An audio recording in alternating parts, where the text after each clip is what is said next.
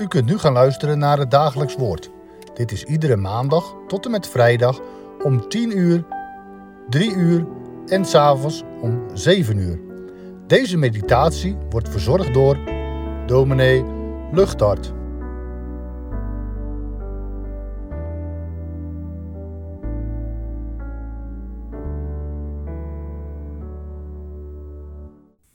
In de serie Dagelijks Woord volgen we deze maand het Marcus-evangelie. Vandaag lezen we Marcus 1, vers 29 tot en met 34. Marcus 1 vanaf vers 29. Toen zij uit de synagoge gegaan waren, gingen ze meteen naar het huis van Simon en Andreas met Jacobus en Johannes. En de schoonmoeder van Simon lag met koorts op bed, en ze spraken meteen met hem over haar. En hij ging naar haar toe, pakte haar hand en richtte haar op, en meteen verliet de koorts haar, en zij diende hen. Toen het nu avond geworden was en de zon onderging, brachten ze bij hem allen die er slecht aan toe waren en hen die door demonen bezeten waren. En heel de stad had zich, verzameld bij de deur, en hij genas er velen die er door allerlei ziekten slecht aan toe waren. En hij dreef veel demonen uit, en hij liet de demonen niet toe te spreken, omdat ze hem kenden.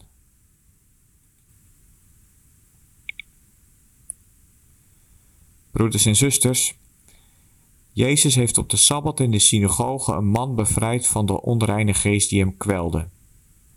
Het was een groot wonder. De mensen, ze stonden er versteld van. Ze spraken erover met elkaar. Het nieuws ging als een lopend vuurtje door de stad en al gauw ook door heel de regio.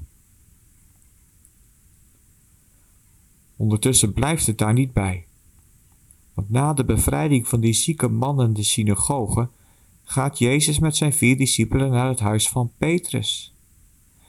Daar aangekomen blijkt de schoonmoeder van Petrus met koorts op bed te liggen. Het lijkt erop dat de koorts plotseling is opgekomen, dat er niet zomaar sprake is van een klein beetje verhoging. Men maakt zich oprecht zorgen. En daarom praten ze er ook over met Jezus. En Jezus gaat dan naar haar toe, grijpt haar bij haar hand en doet zo de koorts uit haar lichaam verdwijnen. Opnieuw een wonder, waarop er diezelfde avond nog heel veel meer zullen volgen. Want heel de stad loopt uit en zij brengen nu al hun zieke en bezeten mensen bij hem. Als Jezus kan genezen, dan hopen ze natuurlijk dat hij dat bij iedereen zal doen. En hij doet dat ook. Want dan staat er, en hij genas er velen, die door allerlei ziekten er slecht aan toe waren, en hij dreef veel demonen uit. Ja, dat moet wel een heel bijzondere dag geweest zijn daar in Capernaum. Een dag die ze niet snel vergeten zullen hebben. En onwillekeurig denk ik bij het lezen van deze versen: wat zouden we ermee geholpen zijn als Jezus zo op deze manier ook voor ons bereikbaar was? En wij ook vandaag met al onze zieken naar hem toe zouden kunnen gaan. We zouden in één klap van dat ellendige corona af zijn. En het leven zou weer normaal worden dat we elkaar weer kunnen ontmoeten. Elkaar weer kunnen omhelzen of gewoon een hand kunnen geven. Geen gedoe meer over quarantaine en allerlei andere onmogelijke regels en voorschriften. Dat we ook gewoon weer met elkaar naar de kerk kunnen gaan. Hoe heerlijk zal dat zijn? Maar zo werkt het helaas niet vandaag. Ook wij kunnen en mogen in gebed onze nood voor de Heer neerleggen. En wij mogen ook geloven dat Hij ons hoort. Maar dat betekent niet dat wij daarom ook altijd genezing ontvangen. Soms wel, maar heel vaak ook niet. Niet op de manier in ieder geval zoals in het Bijbelgedeelte van vandaag.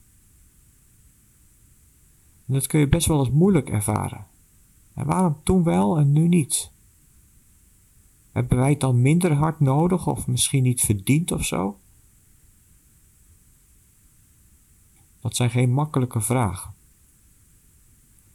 En ik kan daar nu ook niet heel uitgebreid op ingaan, Maar wat we in ieder geval wel zeker mogen weten is dat onze nood hem niet minder aan het hart gaat dan de nood van de mens in zijn tijd. Dat Jezus er zoveel genas daar in Capernaum, dat was dan ook niet alleen maar omdat hij zo met hen begaan was, dat was hij wel, met hen begaan, maar dat was het niet alleen. De genezingswonderen die hij deed waren tekenen. Tekenen van zijn macht. En voortekenen van het koninkrijk wat komen gaat. De grote toekomst van God, waarin geen ziekte en zonde meer zal zijn en de macht van de duivel voor altijd gebroken. Of de mensen in Capernaum dat ook zo zagen, dat is nog maar de vraag. Zij waren waarschijnlijk vooral geïnteresseerd in het wonder op zich, in de genezing in het hier en nu. Maar in het licht van Jezus' prediking hadden die genezingen dus een veel diepere betekenis. En daar ging het hem om bij de wonderen die hij deed. Dat ze in hem, in Jezus, de Messias zouden herkennen, in wie Gods beloften in vervulling gingen. In hem was het koninkrijk van God nu echt nabij gekomen. Kwamen de mensen in Capernaum ook massaal tot geloof na al die genezingen? Het lijkt erop van niet. Stel dat Jezus vandaag opnieuw op deze manier in de wereld zou verschijnen.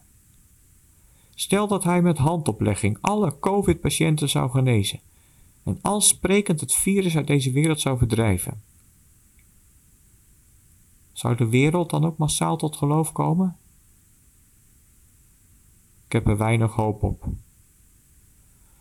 Ze zal blij zijn, opgelucht ademhalen, misschien ook nog wel dankbaar zijn. Maar binnen no time zal alles ook weer vergeten zijn. Niet het wonder op zich helpt ons verder, wel de persoon die het wonder verricht. En met de wonderen die we zien gebeuren in het Bijbelgedeelte van vandaag, heeft Hij, Jezus, laten zien dat het lijden in deze wereld hem aan het hart gaat. Dat ziekte en bezetenheid niet het laatste woord hebben. Dat hij er boven staat. En dat ze het op zijn tijd en op, en op zijn wijze ook tegen hem af moeten leggen. We mogen de genezingswonderen die we in de Bijbel zien gebeuren niet zomaar betrekken op onszelf. Alsof Jezus op dezelfde manier met ons om zou willen gaan als dat hij dat deed met de mensen in zijn tijd. Die mensen waren niet anders. Ze waren ook echt niet beter. Maar de wonderen die, die hen in Jezus' naam overkwamen, moeten we zien in het licht van het grote plan van God. De heilstijd die eens zal aanbreken en waarvan Jezus het begin is. En als wij dan vandaag lezen en hij genas er velen die er door allerlei ziekten slecht aan toe waren en hij dreef veel demonen uit, dan mogen we dat lezen als een bemoediging onze ziektes en al onze andere noden, ze zullen niet voor altijd blijven. Eens, maar dan wel op Gods tijd zal er een eind aan komen. En als we dat niet meer mee zullen maken in het hier en nu, dan wel straks in Gods eeuwige heerlijkheid en op de nieuwe aarde die Hij maken zal. Waar het voor ons op aankomt, is dat, wat, dat we het echt van Hem verwachten zullen. Ook als alles om je heen en in jezelf lijkt te zeggen dat het geen zin heeft. Toch omhoog kijken naar Hem. Want het is zoals Jezaja het heeft gezegd. Hij heeft onze zwakheden op zich genomen en onze ziekten gedragen. En daarom is er hoop.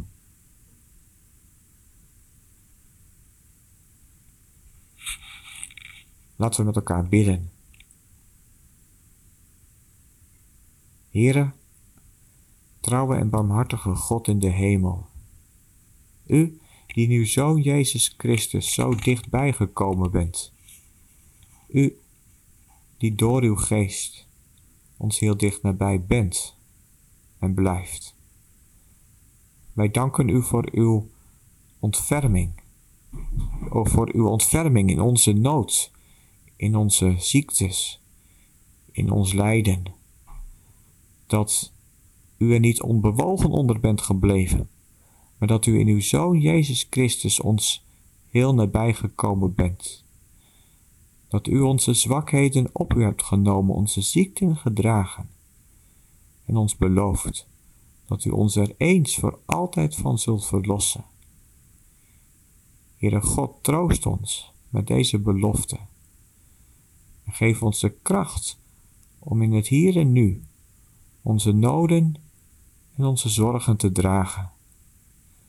Heere God, geef ons dat wij het geloven mogen, dat U daarin naast ons staat. En geef ons het uitzicht op Uw heerlijke toekomst. Heere, dat we U mogen kennen als onze Verlosser. Heere, we dragen elkaar aan U op. We bidden voor de zieken in het bijzonder, voor hen voor wiens leven wordt gevreesd, voor hen die nu al zo lang tobben. We bidden ook voor allen die voor de zieken mogen zorgen.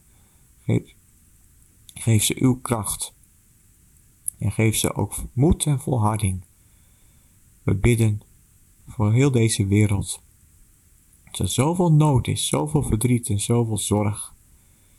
Heere God, wilt u uitkomst geven? Uitkomst, de manier zoals u dat voor u ziet. En help ons om daarin ook op u te vertrouwen en het van u te blijven verwachten. Om Jezus wil. Amen. Ik wens u waar u ook bent nog een hele fijne dag toe, maar bovenal ook een dag samen met de Heere onze God. Heb het goed.